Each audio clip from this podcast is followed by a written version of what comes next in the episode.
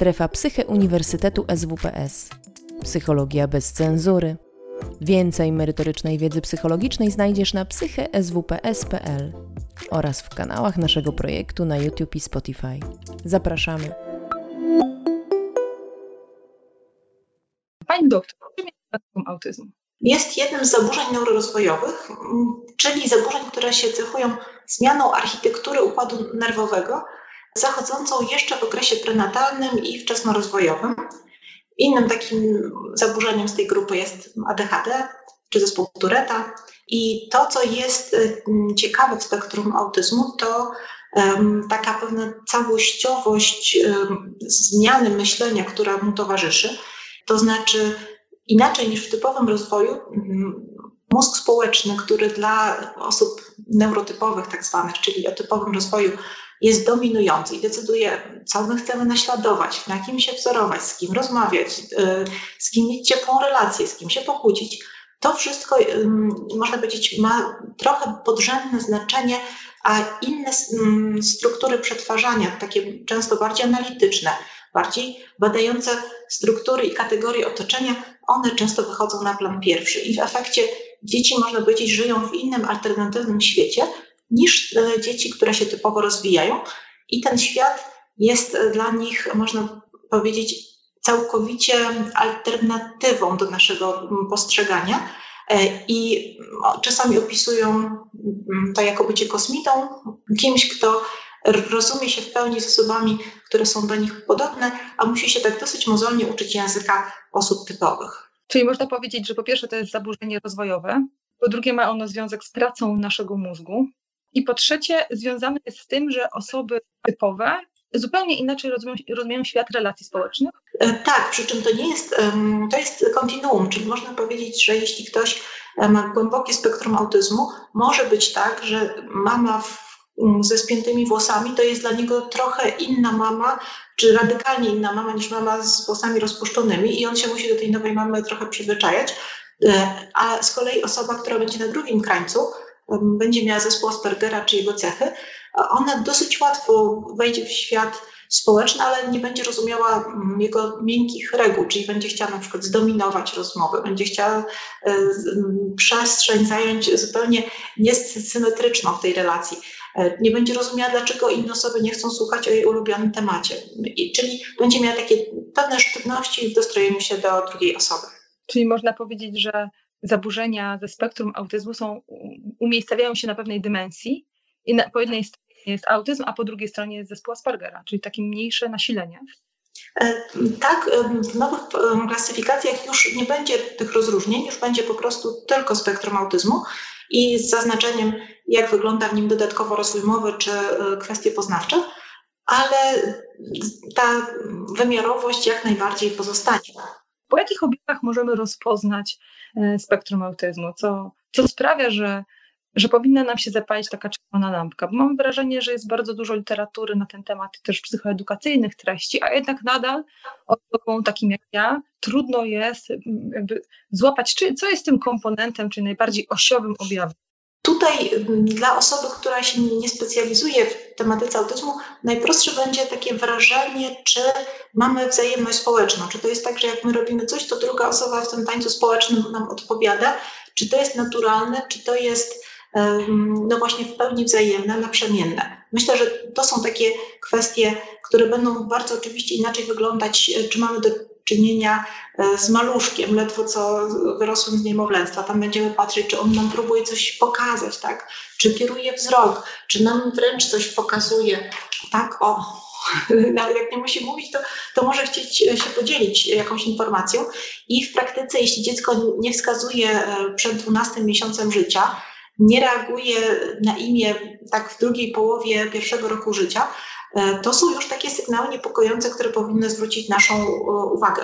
Te pierwsze gesty powinny się pojawić przed 12 mm, miesiącem.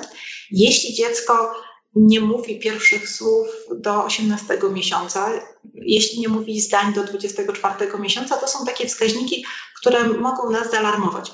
Oczywiście, jeśli mamy do czynienia z wysoko funkcjonującą osobą, to ona będzie mm, znacznie dłużej sprawiała wrażenie, że może jest ekscentryczne dziecko, ale jest właściwie w szerokiej normie. Natomiast w pewnym momencie, kiedy już się zabawy zrobią bardziej złożone, trzeba będzie się bawić wyobrażeniowo, uwzględnić drugą osobę. Ja chcę być policjantem, to ty musisz być złodziejem. E, I w efekcie nie, ja nie mogę być złodziejem, ja muszę być policjantem. I oczywiście na pewnym etapie rozwojowym to jest naturalne. Mamy samych dobrych, nie, nikt nie chce być e, tą drugą, drugą stroną medalu, e, ale jeśli dzieci nie są w stanie dojść do porozumienia, jeśli wszystkie zabawy kończą się tak, że we frustracji rozchodzą nam się na, dzieci na obie strony, to oznacza, że coś ze wzajemnością, z dostrojeniem, ze współpracą dzieje się niedobrego i to jest taki element, który powinien zaniepokoić rodziców. E, teraz są czasy, powiedziałabym, bardzo trudne dla rodziców i dla dzieci i ze względu na te mm, dwa lata pandemii i no, mniejszej lub większej izolacji, która mocno zaburzyła funkcjonowanie społeczne całych rodzin. Życie towarzyskie, poziom interakcji raczej nie wrócił jeszcze do takiego stanu wyjściowego e, i w efekcie dzieci mają mniejsze możliwości treningu. I jeśli się nałoży taka sytuacja, że rodzice często w efekcie różnych e, kryzysów ekonomicznych, które teraz się toczą, muszą więcej pracować, nie mają możliwości tak bardzo włączać się w interakcje społeczne z całymi rodzinami i patrzeć, co ich dziecko faktycznie robi w kontakcie z rówieśnikami, to jest taki moment, że może pasować rodzicom to wycofanie się dziecka. To jest sytuacja taka pozornie mm, dobra dla obu stron. Dziecko bawi się samo, rodzic zajmuje się pracą, wszyscy są zadowoleni, a w efekcie możemy przegapić pewne istotne deficyty. Więc y, tutaj rzeczywiście, kiedy rodzice zgłaszają się na diagnozę, oni mówią częściej o mowie niż o tym, że na przykład z dzieckiem bardzo trudno jest nawiązać kontakt, a czasami widać, że to jest właśnie szokująco y, jakby duży poziom trudności, e, ale w sumie nie aż tak e, bardzo wychwycony przez rodziców. Dlatego to jest, e, można powiedzieć, taki najważniejszy element. I tutaj to, co jest istotne, to sprawdzenie, czy na początku to wynika z braku treningu, właśnie z takiej izolacji społecznej, czy wynika z tego, że jednak dziecko ma jakieś trudności.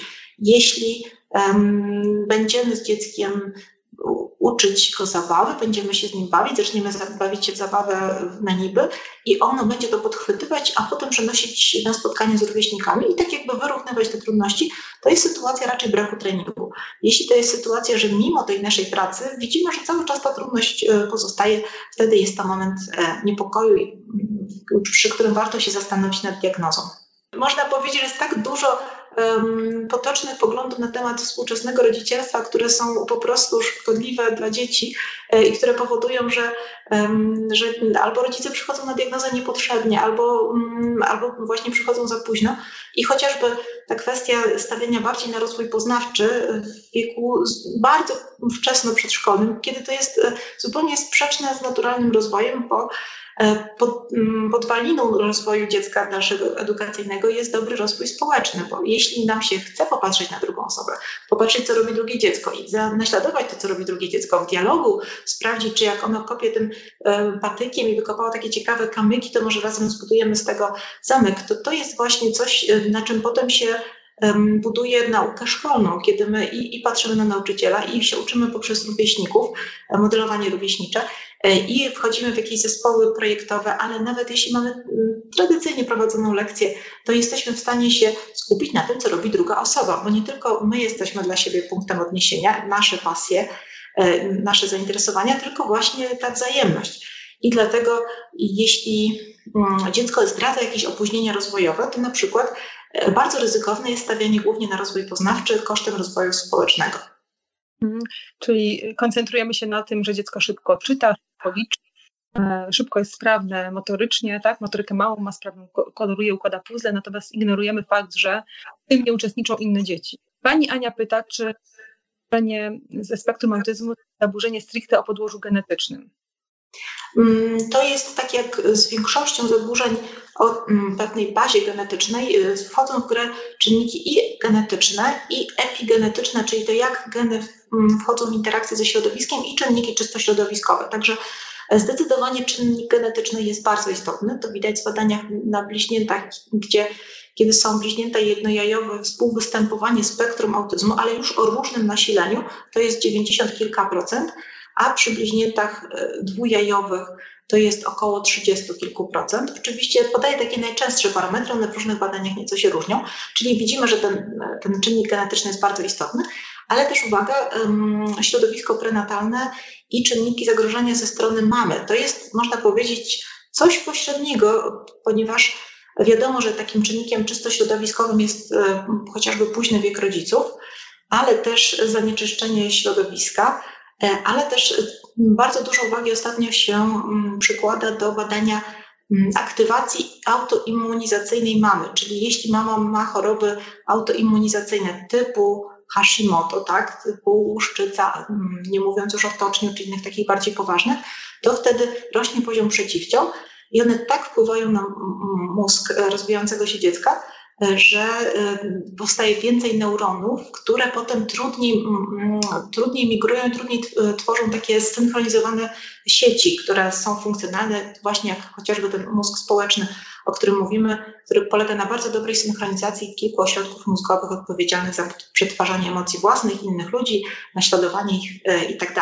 Czyli o ile ten czynnik genetyczny, można powiedzieć, jest taki bazowy, jest um, właściwie podstawą, żeby ryzyko zaistniało, to to, czy ono się dalej rozwinie, czy pozostanie w takim zalążku, e, decyduje wiele innych czynników. Czyli tak jak w, wielu przypadku, w przypadku wielu innych chorób, wiele powoduje jeden skutek. Mhm, tak, tak, ale też um, zwykle uważa się, że musi wystąpić taka wiązka kilku czynników, które, um, no, jeśli jest obciążenie genetyczne poważniejsze, to te inne czynniki mogą być słabiej nasilone. Jeśli obciążenie środowiskowe jest bardzo znaczne, to obciążenie genetyczne może być słabiej nasilone. Dobrze, to w takim razie może spróbujmy rozróżnić, czym się różni autyzm e, u dziecka od dorosłej? Jaka jest e, taka podstawowa różnica i czy można w ogóle ją zauważyć? E, to jest zawsze bardzo trudne zdiagnozować e, autyzm u osoby dorosłej.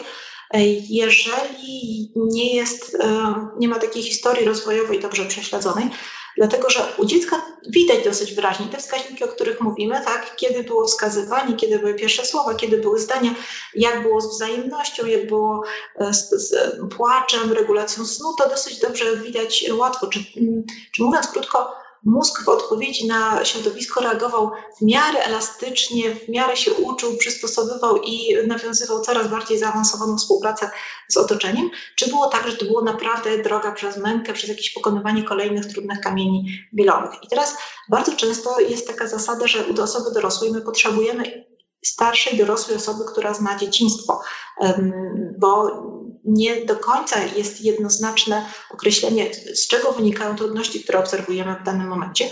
Chociażby podłoże genetyczne autyzmu i schizofrenii jest bardzo mocno zbieżne, czyli mm, jednym z czynników ryzyka autyzmu w rodzinie jest występowanie schizofrenii u jakichś członków rodziny. E, I teraz, czy trudności dorosłej osoby biorą się e, z jakiejś takiej negatywnej kaskady zaburzeń, gdzie się pojawiają zaburzenia nastroju, zaburzenia lękowe, one wtórnie powodują takie trochę większą sztywność w funkcjonowaniu społecznym, mniejszą responsywność społeczną. Czy to jest coś, co jest e, od początku, to rzeczywiście jest e, dosyć złożone zjawisko.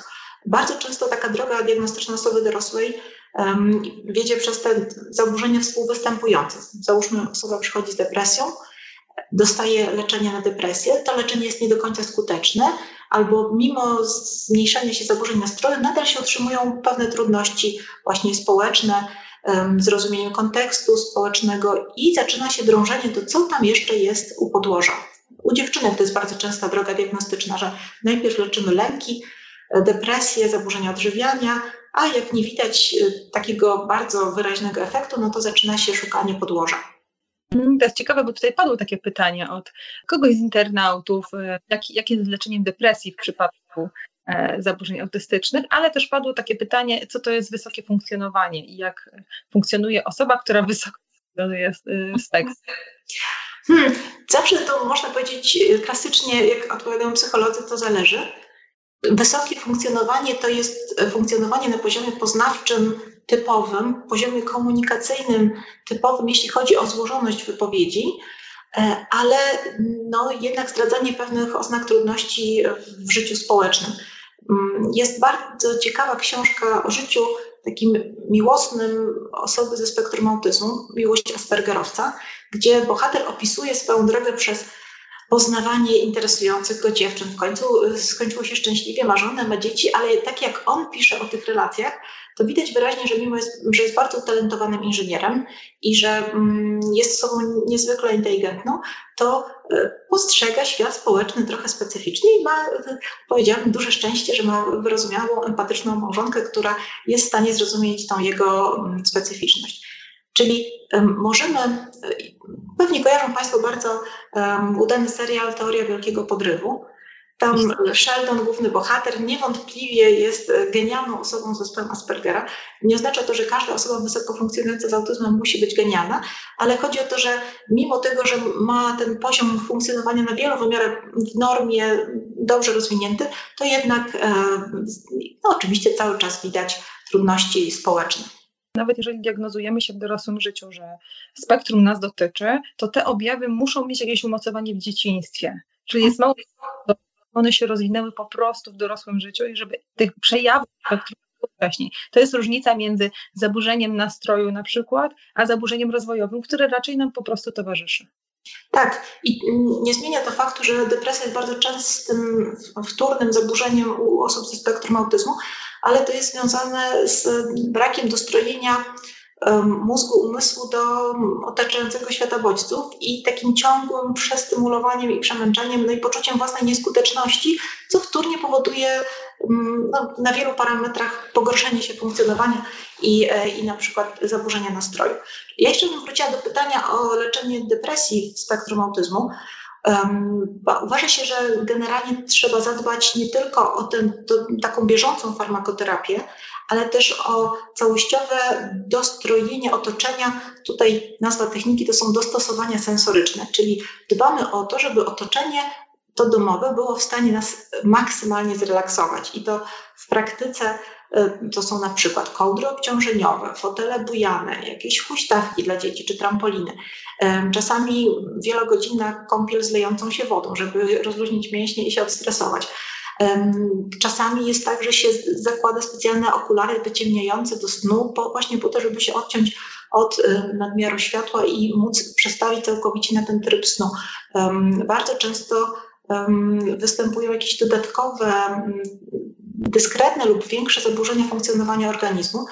Czasami jest potrzeba dostosowania diety, a na pewno zawsze stosowania bardzo zdrowej diety, e, bo mózg często jest bardziej wrażliwy nawet na taką trywialną rzecz jak nagłe zjedzenie wysokiej ilości cukru. To obserwujemy u dzieci ze wszystkimi zaburzeniami neurorozwojowymi, że one bardziej reagują na małą, małą porcję słodyczy, taką nadreaktywnością często. I w związku z tym, jeżeli chcemy poprawić całościowo nastrój, to niestety nie możemy się ograniczyć tylko do leków, tylko przystosować e, całe otoczenie do tego, e, żeby zapewnić jak największy dobrostan. No te leki są często nieodłącznym elementem życia osób ze spektrum, nie tylko tych chorujących na depresję, ale też tych, które mają problem właśnie z regulowaniem własnego nastroju albo z regulowaniem własnego zachowania. Bo, bo na przykład jest tutaj jedno z pytań. Pani Aleksandra pyta, czy mogłaby Pani coś więcej powiedzieć na temat trudnych i agresywnych zachowań osób z może połączymy e, ten wątek z odpowiedzią na to pytanie, bo wydaje mi się bardzo ważne dla wielu rodziców. Zdecydowanie. E, I tutaj jest bardzo wiele wątków, um, które warto by poruszyć. Pierwsza kwestia to, to, że właśnie te struktury mózgu społecznego oraz kora przedczołowa decydują o tym, czy my pójdziemy za impulsem, czasami impulsem agresywnym. Powiedzmy, że ktoś mnie zdenerwował, czy od razu już mam ochotę mu pokazać, jak bardzo mi się to nie podoba, czy jednak załagodzić e, sprawę albo rozwiązać ją poprzez dialog. I teraz, żebyśmy byli w stanie rozwiązać ją poprzez dialog, to musimy mieć e, lepszą kontrolę poznawczą e, emocji, tego całego układu limbicznego odpowiedzialnego za emocje. E, I żeby to wypracować, to rzeczywiście zwykle potrzeba wielu lat w typowym rozwoju dzieci. Tak jak sobie obserwujemy dzieci w przedszkolu, które częściej będą jednak rozwiązywały sprawy siłowe, kiedy są młodsze, niż kiedy już e, są coraz starsze. Ale dodatkowo mm, musi istnieć no, na tyle nie taki bardzo wybuchowy, nagle rosnący poziom emocji negatywnych, żeby w ogóle, żebyśmy w ogóle byli w stanie to zrobić. E, I jeszcze dodatkowo musimy się uczyć samoregulacji, czyli mieć świadomość tego, że wychwycenie, kiedy już mi rośnie napięcie, jeszcze w momencie, kiedy jestem w stanie się zatrzymać powiedzieć, OK, muszę się wyciszyć, koniec tej rozmowy, idę odpocząć, zanim do niej wrócę i zanim zrobię coś nieprzyjemnego. To jest taka no, wtórna strategia, która może zmienić sposób reakcji dzieci z autyzmem. I teraz biorąc pod uwagę to wszystko, najpierw patrzymy, czy na ile dziecko jest w stanie się skomunikować i rozumieć w ogóle sytuację. Jeśli jest, to możemy wprowadzać na przykład strategię właśnie samoregulacji emocjonalnej. Takim najbardziej podstawowym Schematem jest termometr nastroju, gdzie zaczyna się od spokoju, pozytywnego nastroju poprzez napięcie i wyżej e, jest już ta, ta sfera czerwona, już sfera złości prowadzącej na przykład do wybuchu. I wtedy, jeśli wielokrotnie powtarzamy z dzieckiem taką sekwencję, a teraz czuję się um, tak, czuję się spokojny, to świetnie, mogę zrobić to, co chcę, tutaj czuję się napięta, to warto, żeby się troszeczkę zrelaksować, a tutaj, o, zaczynam się robić bardzo zezłoszczona, szybko, co można zrobić, e, żeby mm, to, to napięcie obniżyć, tą złość zmniejszyć. E, wtedy zwykle też się stosuje pomocy wizualne, czyli oprócz tego termometra emocji, jakieś takie sposoby na uspokojenie się. I to można robić ze wszystkimi dziećmi, które rozumieją piktogramy, czyli alternatywne sposoby uspokojenia się. To może być odpoczynek właśnie pod kołdrą obciążeniową czy kamizelką obciążeniową, może być zamknięcie oczu, posłuchanie relaksującej muzyki, może być zajęcie się przez chwilę swoim zainteresowaniem. Te rzeczy, które wiemy, że dziecko wyciszają i uspokajają. I teraz ileś tych cykli, zwykle to jest kilkaset, trzeba sobie to powiedzieć szczerze, że to kilka razy dziennie prezentujemy dziecku termometr. Najpierw rodzic e, sam modeluje, czy terapeuta, e, potem dziecko pokazuje, gdzie ono na tym termometrze się znajduje e, i w ten sposób stopniowo zaczyna wychwytywać. Na początku my tym kierujemy i pytamy się powiedzmy co 20 minut, co pół godziny, co godzinę, w zależności od potrzeb, jak wygląda poziom napięcia dziecka. Potem ono zaczyna samo dostrzegać taką potrzebę i wtedy my to oczywiście bardzo nagradzamy, bo to jest bardzo cenna umiejętność. To jest ta pierwsza e, strategia. Druga strategia to jest e, uczynienie świata dziecka możliwie przewidywalnym i bezpiecznym, czyli właśnie plany aktywności, pomocy wizualne, które mu mówią, co ma zrobić najpierw, co potem, a co będzie jeszcze w dalszej kolejności, bo wtedy to ogranicza taką złość związaną z tym, że o nie, muszę przerwać coś, co właśnie robię, już się zaczęłam w tym sprawiać i nagle przejść do czegoś następnego. Jeśli wiemy, jaki będzie porządek, u dzieci niżej funkcjonujących też się stosuje karty przejścia, czyli taki przedmiot, który oznacza, że ta dana aktywność jest skończona, na przykład należy podejść do planu, przywiesić tą, ten piktogram i dziecko wie wtedy, że to jest naturalne przejście do następnej aktywności.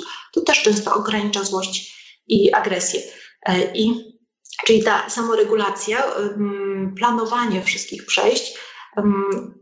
Też to, co jest bardzo ważne, to monitorowanie potrzeb dziecka i takie zadbanie o to, o czym mówiliśmy w kontekście osób dorosłych, czyli właśnie właściwa, niepobudzająca dieta, otoczenie, niedrażniące ubrania, takie, które nie są w jakiś sposób gryzące, jakieś takie irytujące dziecko, po to, żeby ono miało jak najniższy poziom tego wyjściowego napięcia. No i wreszcie, jeśli by to wszystko zastosować, plus system motywacyjny nagradzający proaktywnie dobre um, akty współpracy, zachowania, um, który by działał przez cały dzień, i jeśli to wszystko mamy i jeszcze widać, że jest potrzeba dodatkowego wsparcia, wtedy się myśli o farmakoterapii. Zwykle taka jest kolejność. Oczywiście najlepiej zacząć, kiedy dziecko jest bardzo małe, bo wtedy wprowadzenie tych wcześniejszych kroków jest tak naprawdę dosyć szybkie i ono dosyć szybko się uczy, że, no, że tak jest i, i wtedy potrzeba farmakoterapii nie jest bardzo duża. Jeśli jesteśmy w stanie to utrzymać, to także w okresie dorastania, kiedy w naturalny sposób agresja rośnie, e, często się udaje bez leków przeprowadzić dziecko bezpiecznie na tą drugą stronę dorosłości. Jest trochę też pytać Pani doktor za tą obszerną odpowiedź. To też nie jest proste, bo to są osoby poza spektrum, często dorośli mają kłopot z samoregulacją, z samoświadomością, więc myślę sobie, że też to jest trochę związane z tym, że jeżeli jesteśmy rodzicami dzieci ze spektrum, to musimy zwiększyć swoje kompetencje w obrębie rozumienia emocji, nazywania tych emocji, nie unieważniania tych emocji, co jest charakterystyczne dla naszej kultury i rzeczywiście często, często występuje. Jest duże poruszenie na świecie, które jest związane z rozumieniem osoby ze spektrum binarności płci. Ja teraz chciałabym zejść e, ze strony, zejść z kwestii seksualności, bo ona budzi wiele emocji e, i poruszyć coś trochę pokrewnego, ale, ale jednak odmiennego, odejść od tej sfery seksualnej. E, to na przykład bywa taka, taka sytuacja, że, ta, o której mówiliśmy wcześniej, że, ten, że potrzeba agresywności jest u dziecka większa, że potrzeba takiej konfrontacji, wyrażenia złości, narzucania dominacji i przewagi jest u dziecka większa. No i teraz To jest jego naturalna potrzeba, bo ma gorzej rozwiniętą korę przedczołową i ma, ma taką właśnie potrzebę i chęć, żeby, żeby w sposób siłowy mieć sytuację, gdzie on jest, wychodzi zwycięsko z konfrontacji.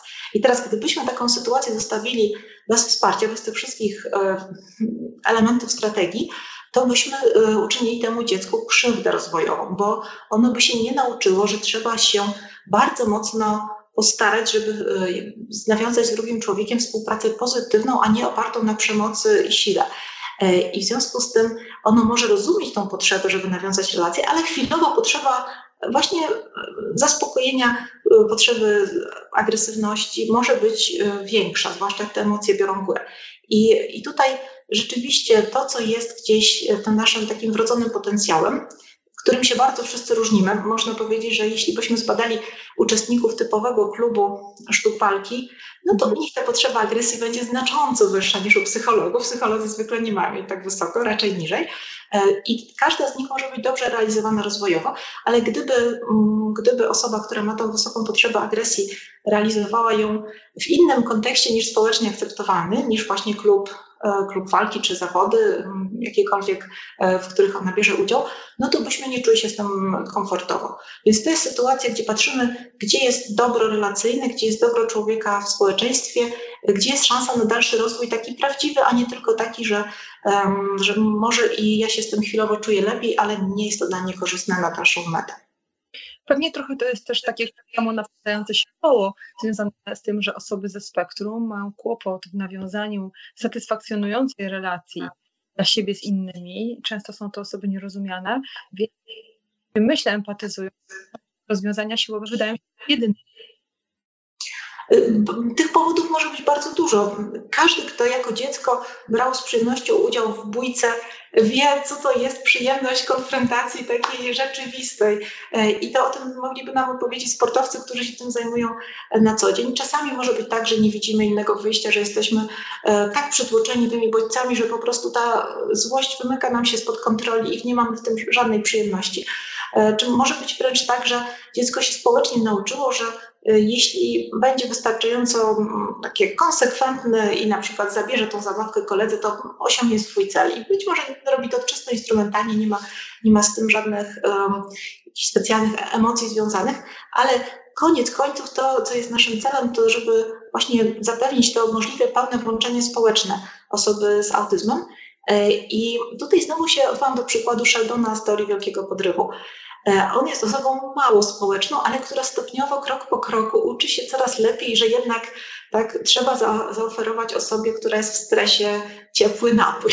Potem zaczyna już jednak takie delikatne znaki empatii wykazywać. I droga osób ze spektrum autyzmu jest taka, żeby rzeczywiście jak najszybciej włączać właśnie te oznaki empatii, e, i one z czasem rzeczywiście aktywizują to takie poczucie wzajemności, wrażliwości.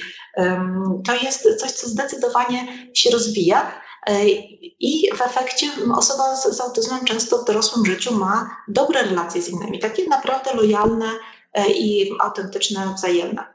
Mhm. Też myślę sobie o tym, że to jest też wzajemna praca, nie tylko osób ze spektrum, ale też środowiska, środowiska osób neurotypowych, dlatego że e, znam wiele historii dzieci, które są wykluczane z klas szkolnych, dlatego że zachowują się nietypowo. Problem z samoregulacją, rolą. I nie wiem, czy nie mam takiego doświadczenia, ale nie wiem, czy to jest dobry sposób, wykluczanie, na danie tym osobom integrować się i uczyć się tych cząstek empatii.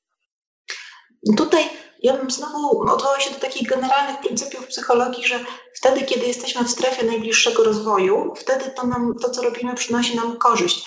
E, jeżeli jest to znacznie bardziej mm, wymagające niż jesteśmy w stanie zapewnić naszymi zasobami, to wtedy jest to stres, który nie jest rozwojowy. I właśnie po to taki nacisk jest um, kładziony na jak najwcześniejszą diagnozę i terapię autyzmu, bo właśnie ta aktywizacja mózgu społecznego, to zauważenie, że druga osoba ma swoje emocje, że ja mogę coś zrobić, żeby jej było lepiej albo gorzej i że ostatecznie nam razem właśnie w interakcji może być dobrze, to jest coś, co bardzo szybko zwiększa tą sferę najbliższego rozwoju do takiego poziomu, żeby dzieci, jeśli tylko mają rozwój poznawczy w normie, żeby sobie dały radę e, w klasie integracyjnej. I I rzeczywiście, jeżeli tych umiejętności takiego właśnie naśladowania rówieśników, uczenia się od nich, nawiązywania z nimi wzajemnej interakcji, no i też reagowania, to mówimy o tej samoregulacji emocjonalnej, e, gdzie ja muszę wiedzieć, że jak już oj, oj, zaczyna mi się to napięcie podnosić, to są sposoby e, dobre na redukcję tego napięcia, czyli nie wiem, daję sygnał pani, być może na piktogramie, być może ustnie, że potrzebuję przerwy. Idę się wyciszyć chwilkę, wracam już w lepszym nastroju. Jeśli te umiejętności są, ta integracja ma właśnie no, wielki potencjał rozwojowy. Jeśli tych umiejętności brakuje, ten przeskok rozwojowy jest zbyt duży, to biorą się takie problemy, o jakich e, teraz mówimy. Mhm. To w takim razie jak wspierać osoby e, ze spektrum? tak, żeby nie generalizować na ich temat, ale też, żeby nie stygmatyzować, bo tak jak pani doktor mówiła, e, spektrum jest dymensją, więc są pewne cechy wspólne, ale też jest wiele cech różniących osoby chorującej na, na jedno zaburzenie.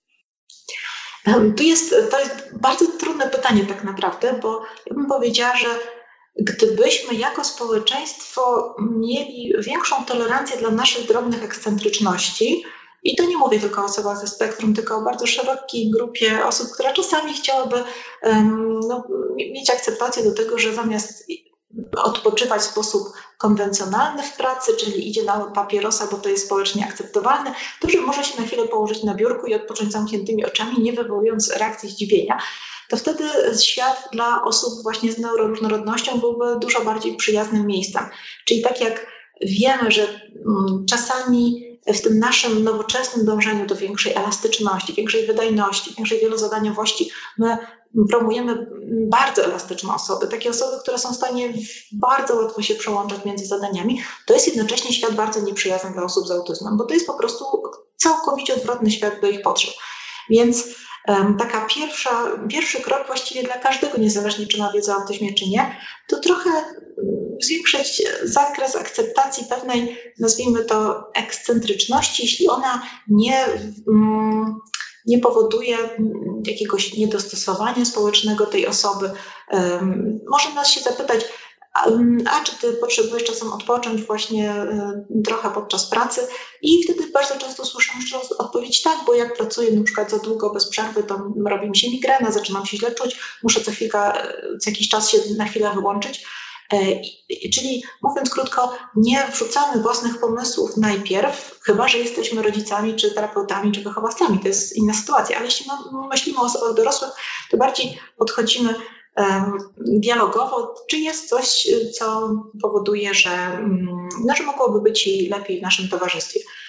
Mm, w praktyce współczesne społeczeństwo tak bardzo właśnie promujące elastyczność, dla niego ten temat jest bardzo trudny i, i w efekcie większość na przykład dziewczyn ze spektrum autyzmu, które mm, ukrywają y, diagnozę przed otoczeniem, uważa, że jest znacznie bardziej komfortowo jednak tego nie ujawniać i taką mm, potrzebę wyciszenia realizować poza, poza świadomością kolegów z pracy, po to, żeby właśnie nie wywoływać tego e, efektu niedostosowania do oczekiwań świata pracy. Mhm. To, to jest y, trochę tak, że osoby ze spektrum muszą się uczyć, znaczy nie muszą, ale dobrze by było, żeby się uczyły cząstki empatii, a my, żebyśmy się uczyli tak akceptacji do tego, czego, co niekoniecznie rozumiemy. Myślę sobie, że każdy jest sam specjalistą od własnego życia, więc rzeczywiście swoimi pomysłami na to, jak, jak ma żyć druga strona. Jest kilka takich pytań dotyczących tego jeszcze, e, czy rzeczywiście czynniki społeczne, czy, czy nowe badania wykluczają powoli czynniki społeczne? Mm, to trudne pytanie, dlatego że nie da się odpowiedzieć jednowymiarowo.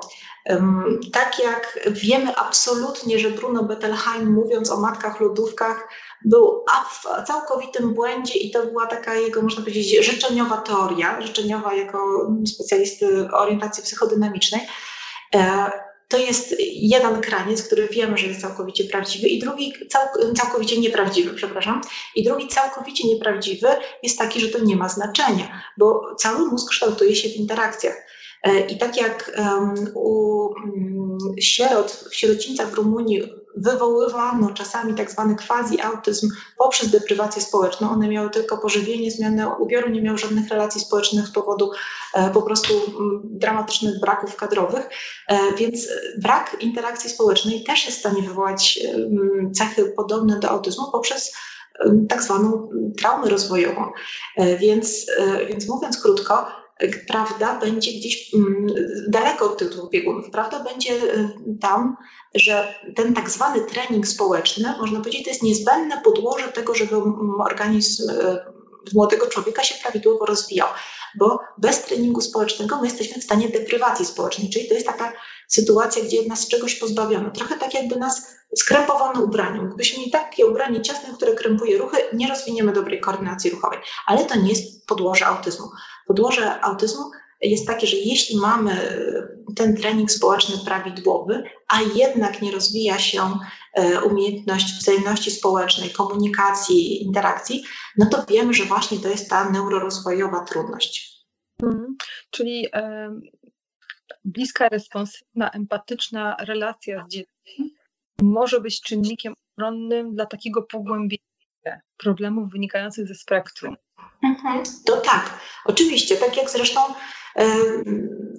ogólnie deprywacja społeczna jest czynnikiem bardzo destrukcyjnie działającym na psychikę. Są na ten temat całe tomy nie dotyczące ściśle autyzmu, tylko bardzo różnych um, dysfunkcji um, psychicznych, które mogą się wtedy pojawić, ale jednocześnie nie jest tak, że przez, um, przez samą pandemię, załóżmy, można wywołać u dziecka autyzm przez to, że nie widzi rówieśników e, i rodzice, za, za, załóżmy tą sytuację, o której mówiliśmy wcześniej, rodzice mają bardzo zwiększoną ilość obowiązków zawodowych, dziecko bawi się samo, wszyscy wydają się zadowoleni e, tą sytuacją.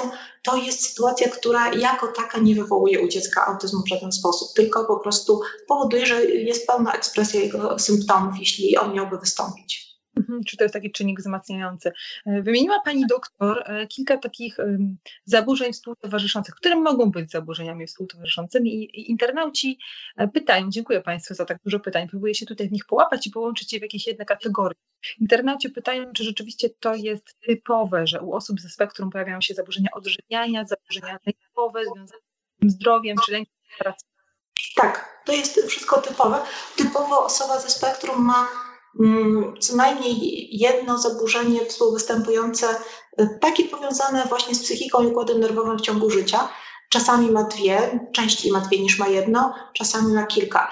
Więc y, mm, zdecydowanie nie, nie jest niczym strasznie dziwnym, jeśli się pojawia depresja rosnącego dziecka ze spektrum, czy pojawią się zaburzenia lękowe. E, I tutaj, tak jak mówiliśmy sobie na przykładzie depresji, tak samo jest ze wszystkimi innymi zaburzeniami. Najpierw dbamy o taką higienę życia tak? Odżywianie, sen, e, dostosowania sensoryczne, przewidywalny plan dnia. I jak to wszystko już jest e, w miarę, w miarę uregulowane, to patrzymy, ile nam jeszcze zostało tego dodatkowego współwystępującego zaburzenia i jak w związku z tym do tego podchodzić, czysto farmakoterapią. To teraz w takim razie dodatkowe pytania dotyczące zaburzeń, ale tutaj zaburzeń osobowości. W toku rozwoju Aspergera lub autyzmu y, mogą ewaluować zaburzenia, trwałe zaburzenia osobowości, jak border. Pyta o to pani Edyta. To jest pytanie bardzo złożone i ja bym chciała udzielić takiej dosyć oględnej odpowiedzi na nie, e, dlatego że w samej psychologii jest e, pewien mm, rozdźwięk pomiędzy zwolennikami podejść bardziej biologicznych, mózgowych i zwolennikami podejść czysto takich konstruktywistycznych, bazujących na społecznym doświadczeniu. Z perspektywy osób zajmujących się autyzmem te dwie, mm, dwie perspektywy należy połączyć, bo y, nasze zachowania nie biorą się znikąd. My mamy pewien naturalny potencjał, który jest a wrodzony, b rozwijany wraz z doświadczeniem, który powoduje, że, na, że ewoluujemy w którąś stronę. Jeszcze, żeby utrudnić obraz, na to mogą się nakładać czynniki destrukcyjne, które występują w toku życia, czyli chociażby um, też um, jakieś um, zaburzenia, które powodują zmianę, zmianę w układzie neuroprzekaźników mózgowych. E, I w efekcie obraz tego zachowania może się bardzo zmieniać. W przypadku osób z autyzmem zawsze, jeśli tylko się coś zmienia i zaczynamy podejrzewać, że jakoś się tam, nam ten model zachowania dziecka no, dziwnie przekształca, to warto wykluczyć czynniki biologiczne jako ten element wyzwalający dodatkową, dodatkowe zakłócenie pracy e, mózgu. E, czyli mm, czasami się pojawiają stany zapalne mózgu i one mogą powodować dodatkowe jeszcze e, jakby zaciemniający obraz zachowania dziecka. Czasami się pojawiają inne stany mm, też związane na przykład z utajonymi wyładowaniami padaczkowymi i one też zaciemniają nam obraz, czyli Mm, zdecydowanie z autyzmem mogą współwystępować bardzo różne formy zakłóconych e, czy zakłóconej formy funkcjonowania mózgu, czy zakłóconych zachowań. Co do zaburzeń osobowości, to tutaj są dyskusje, nie, nie do końca chciałabym konkluzywnie się wypowiadać, ale na pewno e, wiemy, że w zaburzeniach osobowości też występują zmiany na poziomie struktur mózgowych, czyli chociażby w, w borderline też jest ta kora przedczołowa mniej skuteczna w kontrolowaniu impulsów emocjonalnych i ma no, mniejszą, bardziej osłabioną wydolność tej siatki neuronalnej. W związku z tym to wszystko, co jest w stanie, na przykład poprzez stan zapalny, niszczyć nam częściowo mózg, to jest czynnik ryzyka rozwoju dodatkowych zaburzeń w autyzmie. Dobrze, jak tego słucham, to jestem psychologiem klinicznym, terapeutą, ale jest to dla mnie strasznie też trudne, pojąć. Myślę sobie, że jak ktoś nie jest specjalistą zaburzeń rozwojowych, to może się w tym pogubić, nawet mając jakieś solidne psychologiczne wykształcenie. Więc porozmawiajmy trochę o tym, jak diagnozować, gdzie zgłosić się po diagnozę, czy należy korzystać z pomocy specjalisty, czy może można sobie poradzić dzięki poradnikom samemu. No tutaj trochę tak puszczam oko, ale poglądajmy to co możemy zrobić, kiedy jesteśmy w takiej sytuacji. E, no i, i, słucham panią, pani doktor, od 50 minut razem z resztą naszych internautów i myślę sobie, że to jest poprzednia różnych wątków, wyjątków, nie ma tu jednoznacznych odpowiedzi. Więc od czego można zacząć?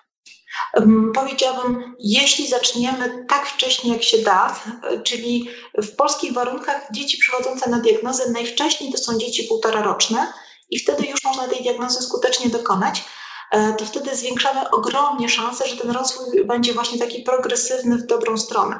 E, I jeżeli nie ma współwystępujących zaburzeń takich czysto medycznych, jak padaczka, tak? czy um, właśnie stany zapalne um, organizmu, które też uderzają w mózg, um, to mamy szansę właśnie na tą aktywizację społeczną jak najpełniejszą.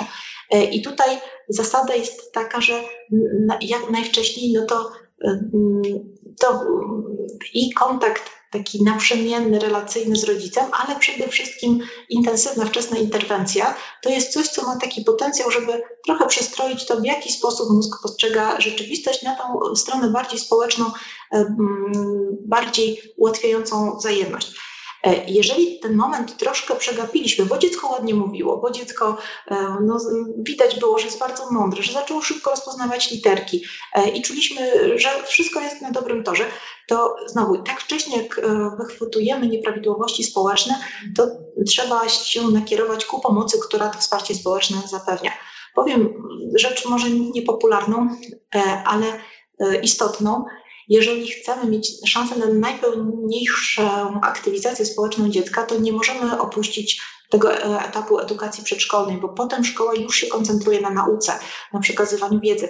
A właśnie ta sfera społeczna to jest clue edukacji przedszkolnej i na przykład, jeśli mamy rozpoznanie spektrum autyzmu, zwykle lepiej jest na początku zaczynać od intensywnego wsparcia, od właśnie przedszkola terapeutycznego, które nauczy, jak dobrze współpracować, jak się dobrze wymieniać, jak komunikować i potem z tym e, zapleczem wiedzy i umiejętności społecznych my idziemy do przedszkola integracyjnego i sobie dobrze radzimy. Czyli ten nie ma tego, tej przepaści, o której mówiliśmy, która powoduje wykluczenie e, dziecka, tylko już jest ta sfera najbliższego rozwoju, która powoduje, że sobie dobrze poradziliśmy.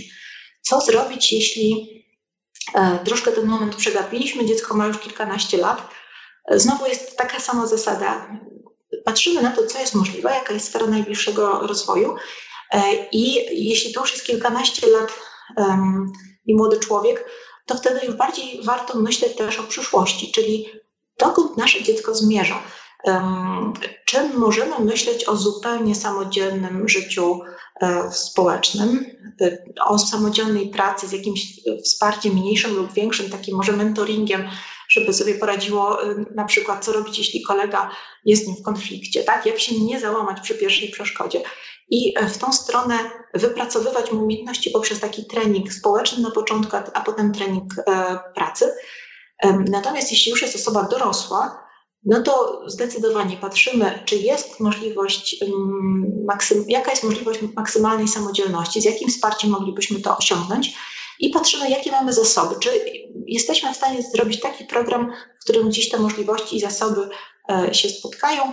Podam zabawny może przykład, ale prawdziwy.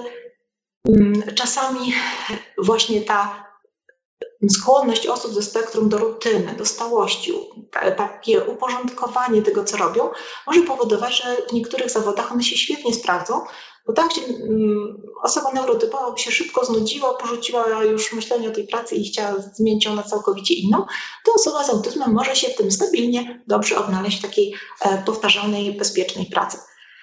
Czyli w zależności od tego, y, ile mamy do dorosłości, w jakim wieku mamy dziecko, to pewne zasady są te same, ale, y, ale przykładamy największy nacisk na to, co jest najważniejsze dla niego rozwojowo. Pani doktor, dziękuję Pani serdecznie za wyczerpujące odpowiedzi w imieniu swoim internautów. Wiem, że jest Pani też autorką publikacji na temat e, terapii dla osób Czy może mogłaby Pani oczywiście poza Pani publikacjami, polecić nam jakąś literaturę mi i internautom, którzy są z nami, po którą warto sięgnąć, żeby, bo tej wiedzy nigdy nie za wiele. Ja bym poleciła dwie publikacje, z których jedna ma już trochę lat, ale jest naprawdę znakomita. E, to jest zespół e, Aspergera, kompletny przewodnik Toniego Atwooda i to jest gruba książka, która zawiera bardzo wiele konkretnych strategii oraz wyjaśnienie z, z czym osoby mogą mieć trudność i dlaczego. Bardzo praktyczne dla wszystkich rodziców osób wyżej funkcjonujących, czy dla osób, które podejrzewają, że może one same mają zespół Aspergera, czy, czy mówiąc już bardziej współczesną terminologią, e, właśnie autyzm, ale w takim no, na wysokim poziomie funkcjonowania. E, to jest jedna książka. Druga książka to jest Kobiety i dziewczyny ze spektrum autyzmu Sarah Hendricks.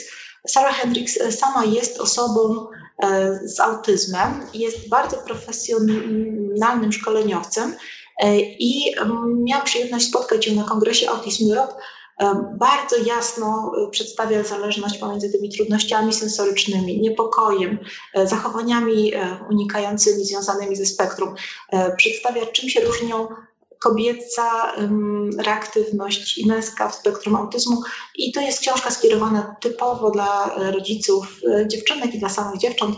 Myślę, że jest znakomitym podłożem do rozwijania wiedzy na ten temat. Dziękuję e, Pani doktor serdecznie. Panią doktor możecie Państwo znaleźć na Uniwersytecie SWPS, gdzie prowadzi zajęcia z zakresu komunikacji wizualnej i arteterapii. Jest pewnie bardzo skuteczna w pracy z osobami ze, ze spektrum. Dziękuję Państwu za wyczerpujące pytania. Niestety nie mogłam odnieść się do wszystkich, bo bylibyśmy chyba tutaj do jutra. Dziękuję Pani i Pani doktor raz jeszcze. A ja dziękuję za zaproszenie i w razie czego zapraszam do kontaktu. Dziękuję serdecznie. Do widzenia Państwu. Thank you.